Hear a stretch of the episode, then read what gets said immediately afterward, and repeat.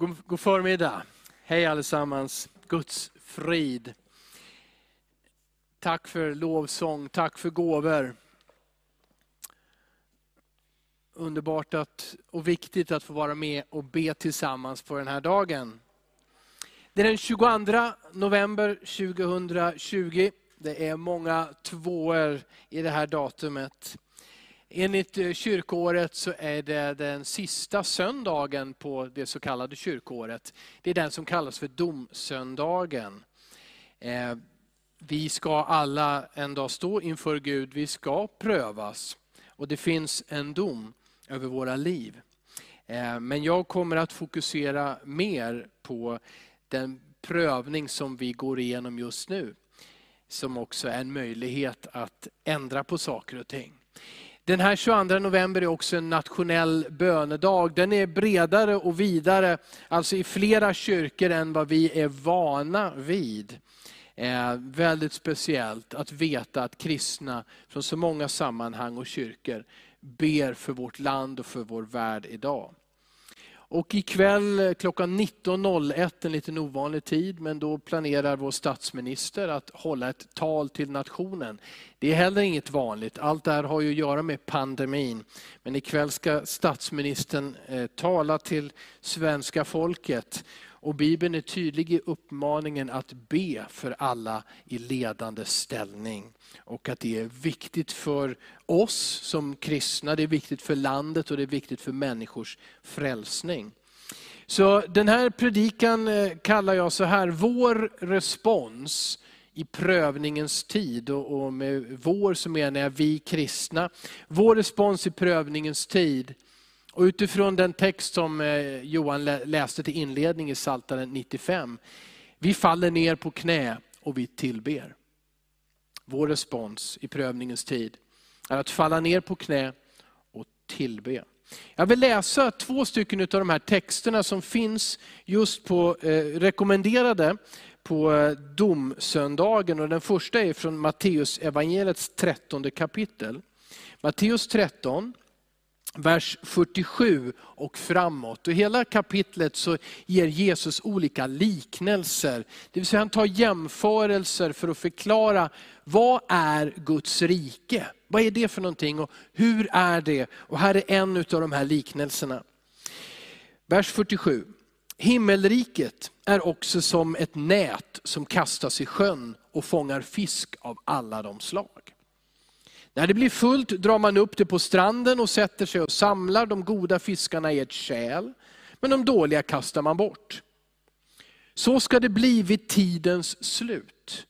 Änglarna ska gå ut och skilja de onda från de rättfärdiga och kasta dem i den brinnande ugnen. Där ska man gråta och gnissla tänder. Har ni förstått allt detta? frågade Jesus och de svarade ja. Den andra texten jag vill läsa som också är rekommenderad för den här söndagen är första Korinthierbrevet kapitel 15. Första Korinthierbrevet kapitel 15, vers 22 och framåt. Och det är naturligtvis mitt i ett sammanhang, men där talar eh, Paulus om Jesu uppståndelse från de döda och också om vår framtida uppståndelse. Först så säger han, liksom alla dör i Adam så ska också alla göras levande i Kristus. Och innan jag läser nästa vers så vill jag säga, vad betyder det att dö i Adam? Jo, vi människor som syndar, vi dör andligen, vår relation med Gud kapas och vi är döda. Men genom tron på Jesus så görs vi levande med Kristus. Alltså det finns en uppståndelse genom tron redan här och nu, där vi får livet tillbaka. Men också en uppståndelse som vi väntar på, som är fysisk. Men var och en i sin ordning, står det sen i vers 23. Kristus är förstlingen och därefter när han kommer, eller kommer tillbaka, även de som tillhör honom. Jesus uppstod först, sen ska vi uppstå. Vers 24, sedan kommer slutet när Jesus överlämnar riket åt Gud Fadern, sedan han gjort slut på varje välde, varje makt och varje kraft. Allt som ställer sig upp mot Gud. Vers 25, han måste regera tills han har lagt alla fiender under sina fötter. Som den sista fienden berövas döden sin makt. Halleluja. För han har lagt, under hans, för han har lagt allt under hans fötter. Men när det sägs att allt är lagt under honom, alltså under Jesus, gäller det självklart inte Gud som har lagt allt under Kristus. Och när allt blivit lagt under honom, då ska sonen själv underordna sig den som har lagt allt under honom, så att Gud blir allt i alla. Gud har en plan. De här texterna de är allvarliga, de kan ses som skrämmande. Men man kan också reagera med att de är löftesrika, de är underbara. Tillbaka till statsministern som ska tala ikväll. För bara någon vecka, kanske två veckor sedan, så sa han ord som under många årtionden egentligen inte det har inte varit populärt att uttala sig på det sättet, men det är nödvändigt i den här tiden. Han sa så här, vi lever i prövningens tid. Det kommer att bli värre. Eller hur? Det här är, det är, det är, en, det är rösten av en domedagsprofet. Den här karikatyren som vi har gjort av den gamle mannen med skägg och en demonstrationsskylt som säger slutet är nära. Men lyssna på orden en gång till, detta är ingen predikant. Det är ingen religiös företrädare. Det är vår statsminister som sa, vi lever i prövningens tid. Det kommer att bli värre. Men den som tror på Jesus och den som tror på Guds ord, vet att prövningens tid är också en förberedelsens tid. Och det är även en, ett hoppets tid. När vi prövas så är det också möjligheten till förberedelse. När vi prövas så är det också en påminnelse om det hopp som vi har och som vi ska hålla fast vid. Det står så här i Uppenbarelsebokens tredje kapitel, vers 10 och 11. Eftersom du har bevarat mitt ord om uthållighet, ska jag, säger Gud, bevara och rädda dig ur prövningens stund som ska komma över hela världen för att pröva jordens invånare.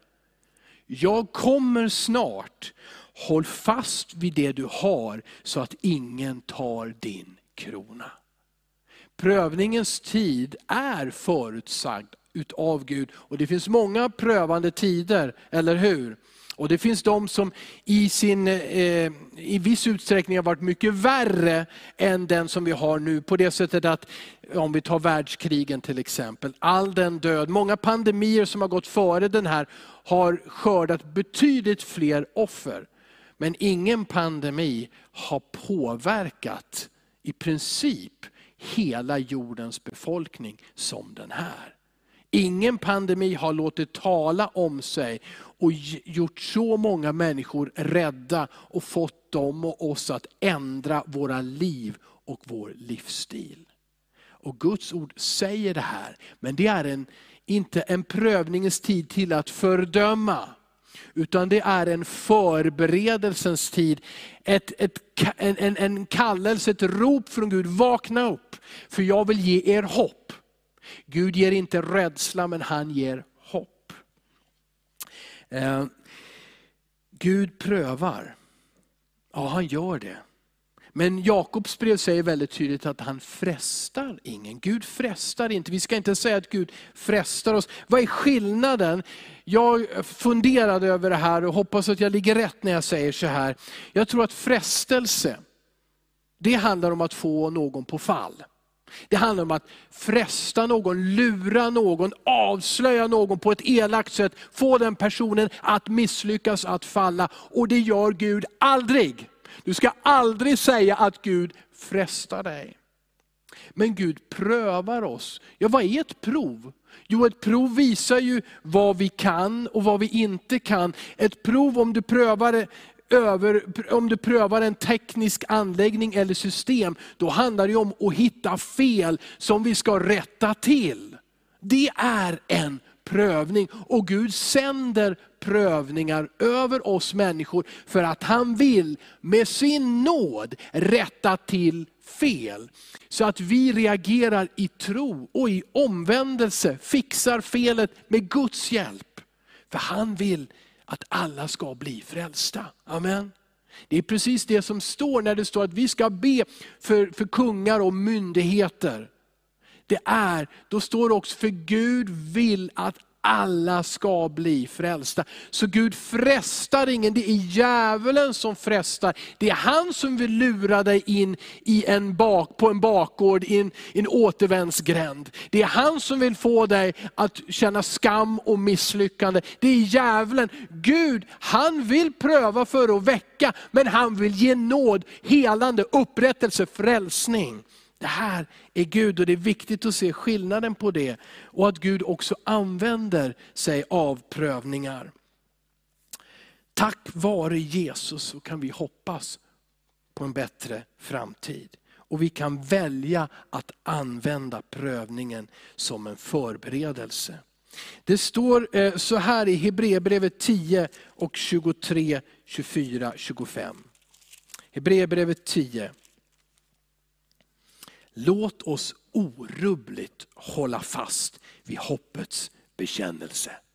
Alltså det där med orubbligt hålla fast, det är om man tar det fysiskt, om man tar tag i en sån här stång, hävstång, man häver sig upp och så ska man orubbligt hålla fast i den.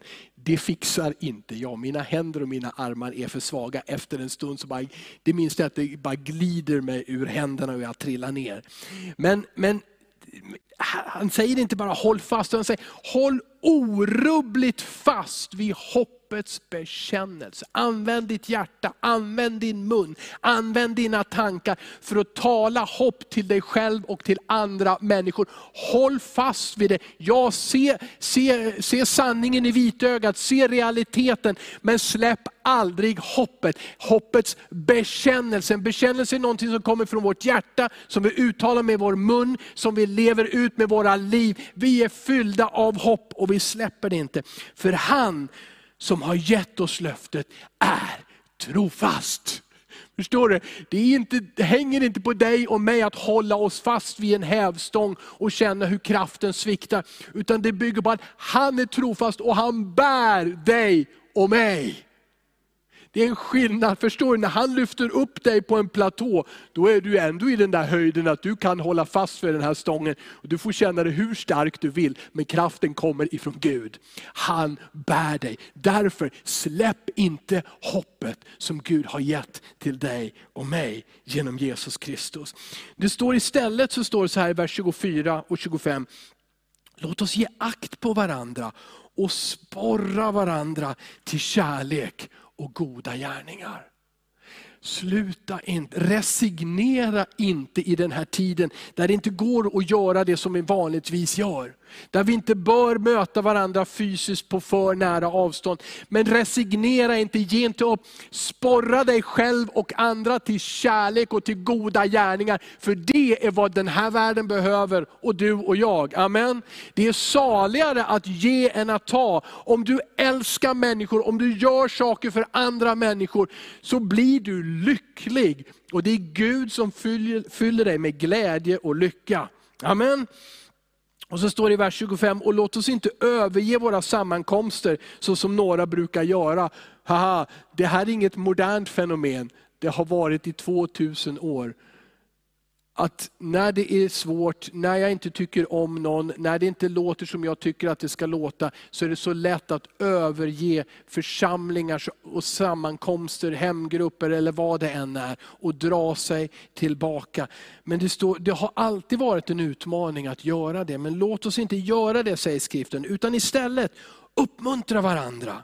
Och det är så mycket mer som ni ser att dagen närmar sig. Vilken dag närmar sig? Jo, Jesu återkomst. Ser du att dagen för Jesu återkomst närmar sig? Ser du tecknen?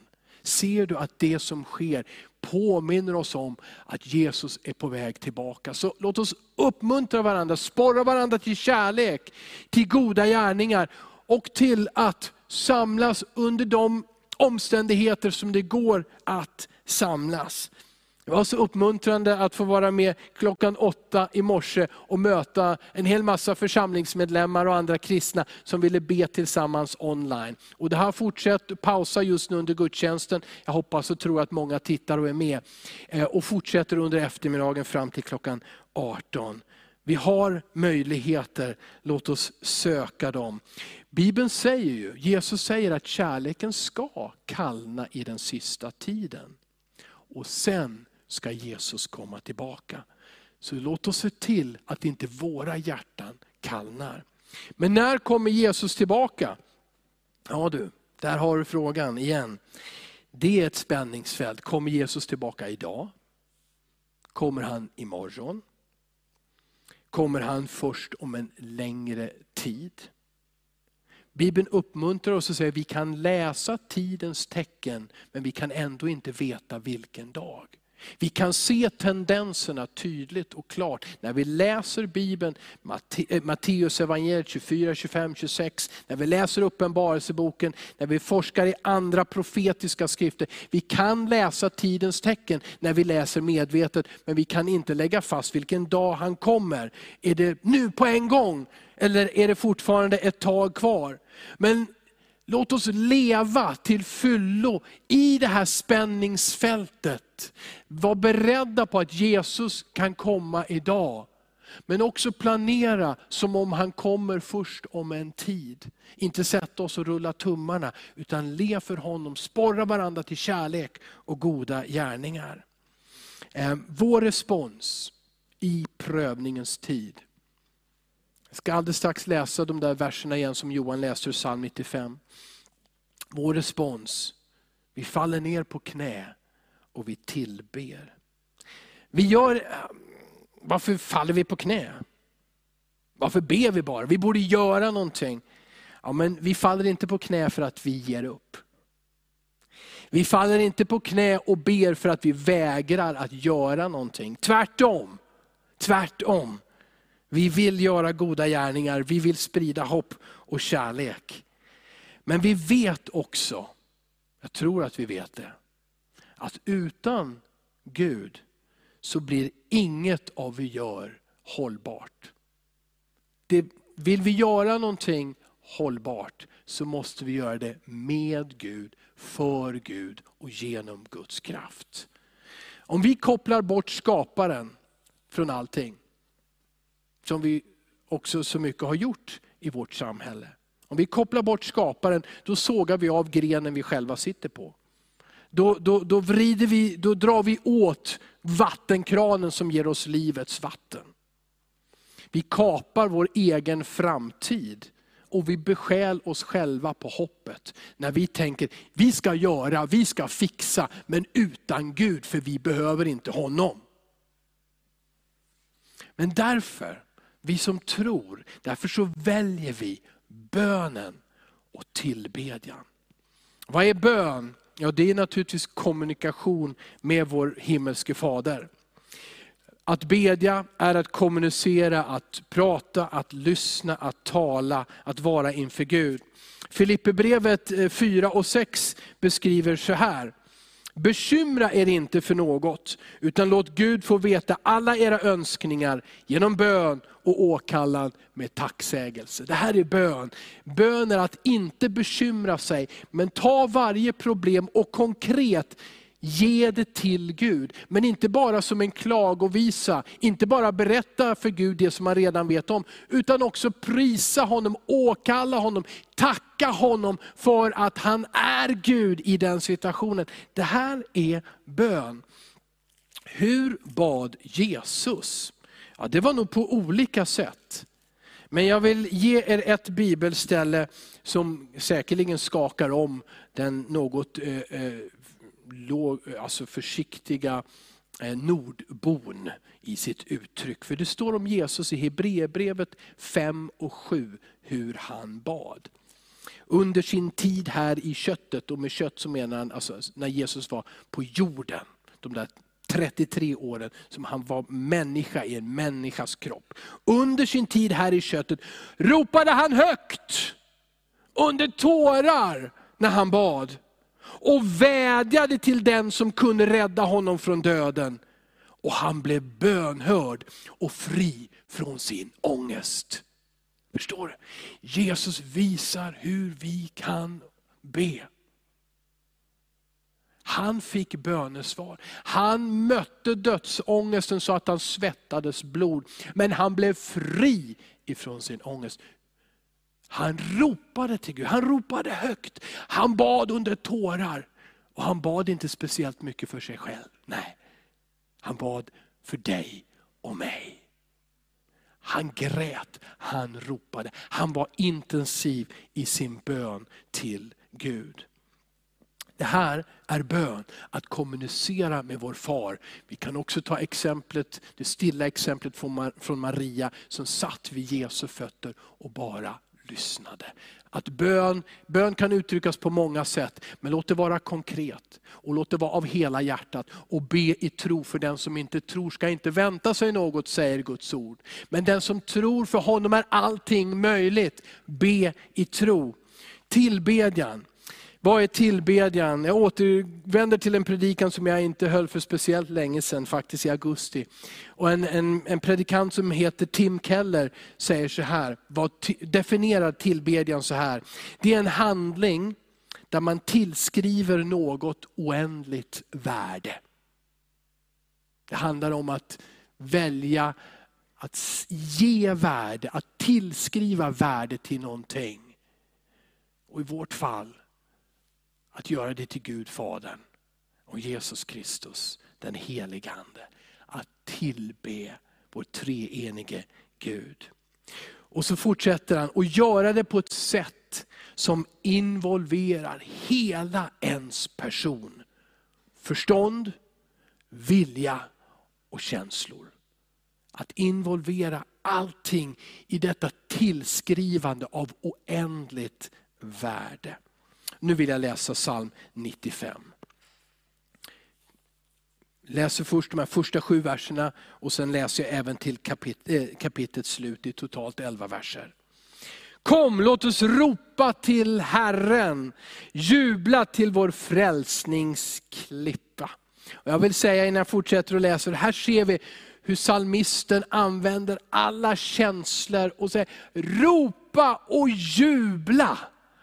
Att tillbe Herren, ja det är att engagera sitt känsloliv och, och, tala om hans skönhet och prisa honom. Vers 2, låt oss träda fram för hans ansikte med tacksägelse. Jubla till honom med lovsång. För Herren är en stor Gud, en stor kung över alla gudar. Han har jordens djup i sin hand och bergets toppar är hans. Hans är havet som han har gjort och det torra som hans händer format. Hebreerbrevet säger att allting blev till genom ett ord ifrån Gud.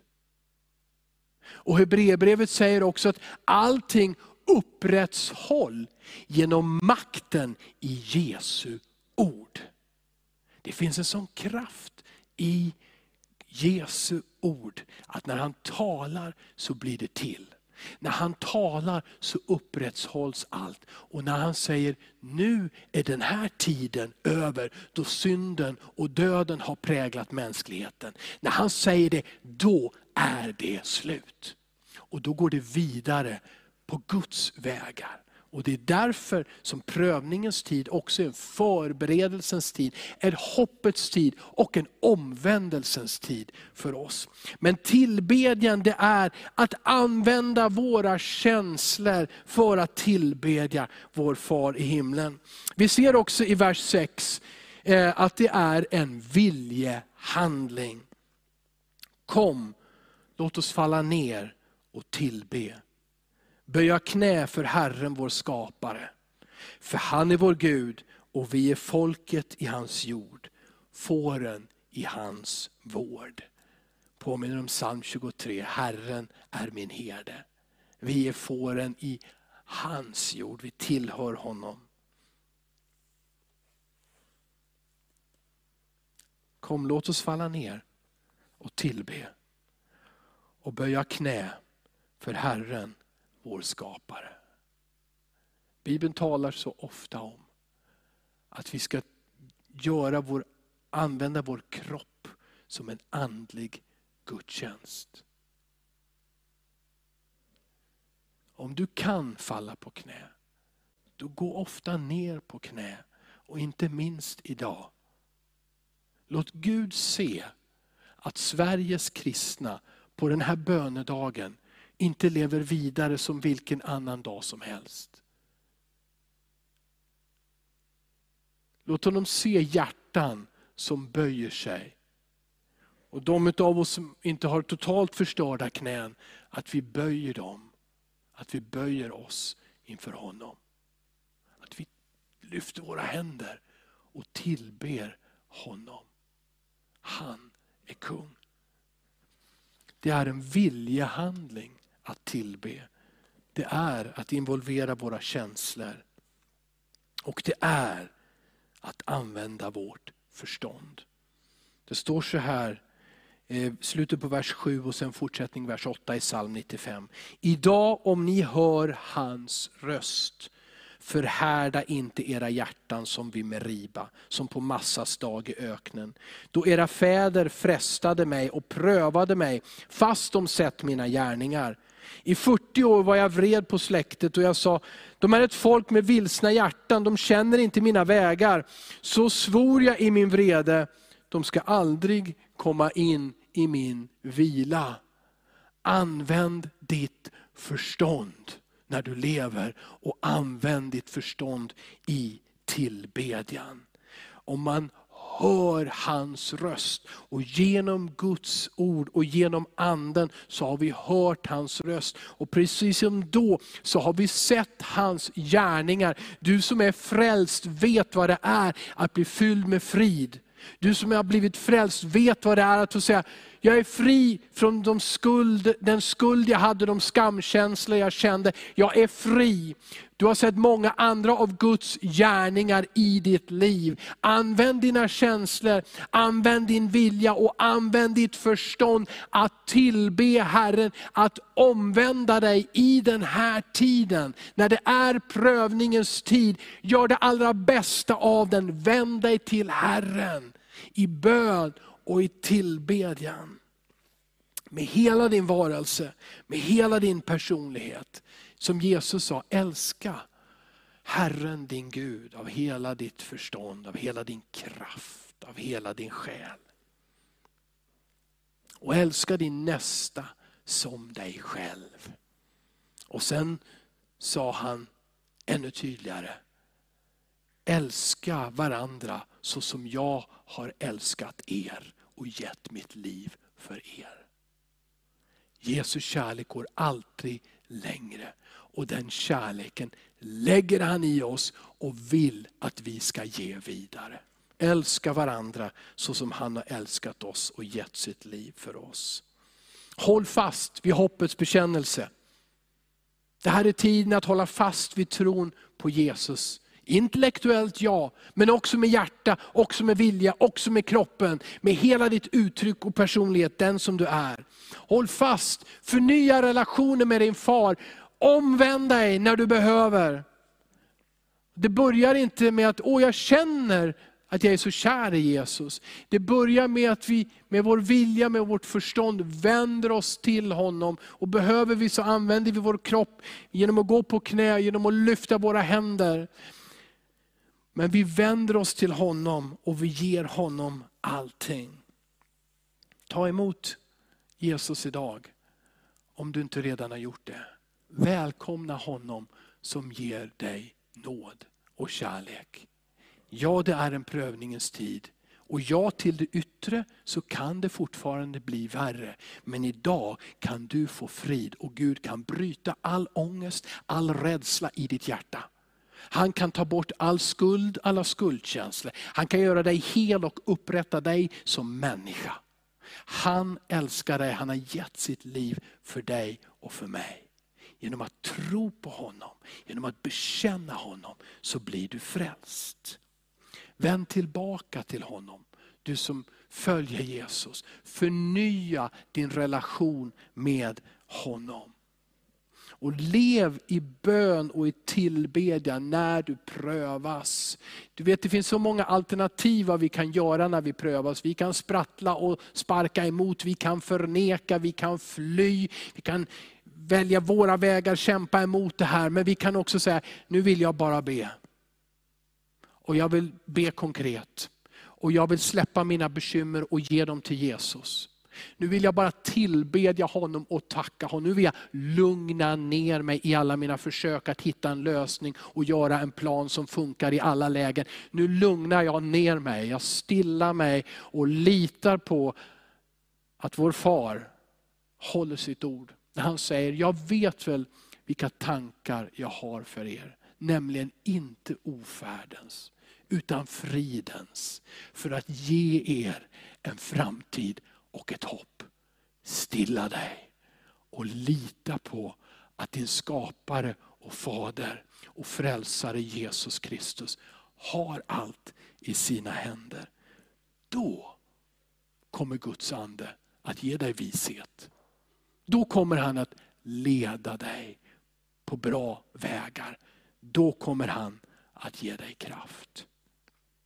Till avslutning av predikan så vill jag läsa en text som Rut läste med oss klockan åtta i morse, vi som hade möjligheten att bedja då. Och den är från andra krönikeboken kapitel 15.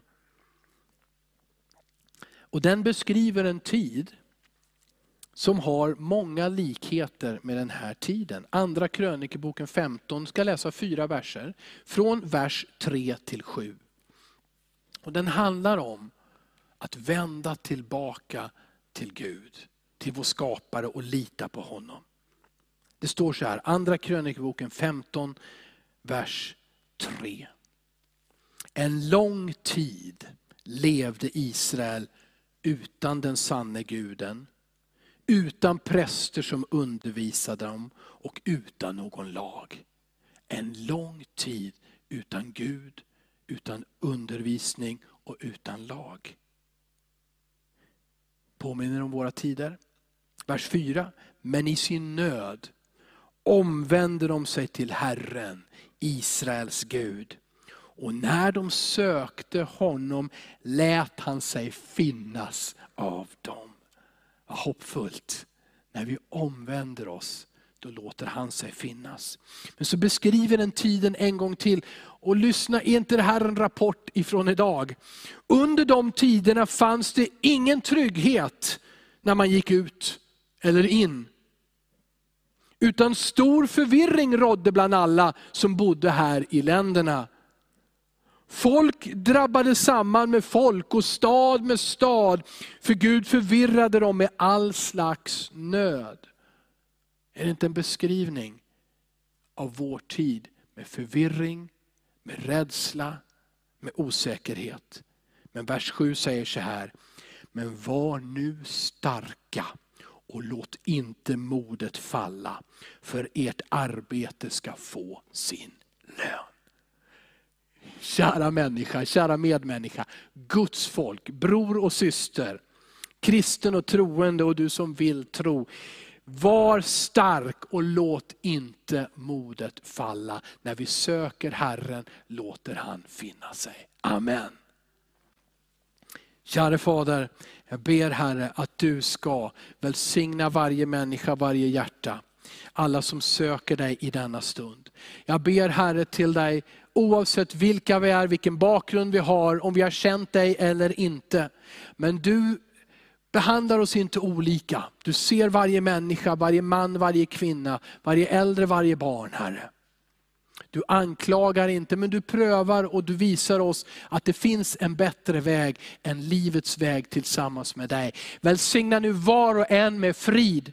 Berör var och en som öppnar sitt hjärta. Låt dem finna dig Herre, på nytt, eller för första gången Herre Jesus. Välsigna Herre Jesus, vårt land och vårt folk Herre. Och jag ber för mig själv och andra att vi inte slutar att predika och undervisa. Och jag ber för vårt folk att det inte ska stifta lagar som är mot folket, eller mot dina bud Herre. Och jag ber för vårt land och vårt folk att de inte ska leva vidare utan Gud, utan vända sig till dig på denna dagen Herre Jesus, när du prövar, men när du också kallar oss, när du visar oss att genom omvändelse och tro finns det nåd och upprättelse för varje människa. Herre vi ropar och ber, låt din heliga Ande falla över oss, över kyrkor, över församlingar, över enskilda människor i hemmen som söker dig. Herre låt din heliga Ande komma över oss Herre. Jag tackar dig Herre för friden och kärleken och hoppen i dig. I Jesu namn, Amen.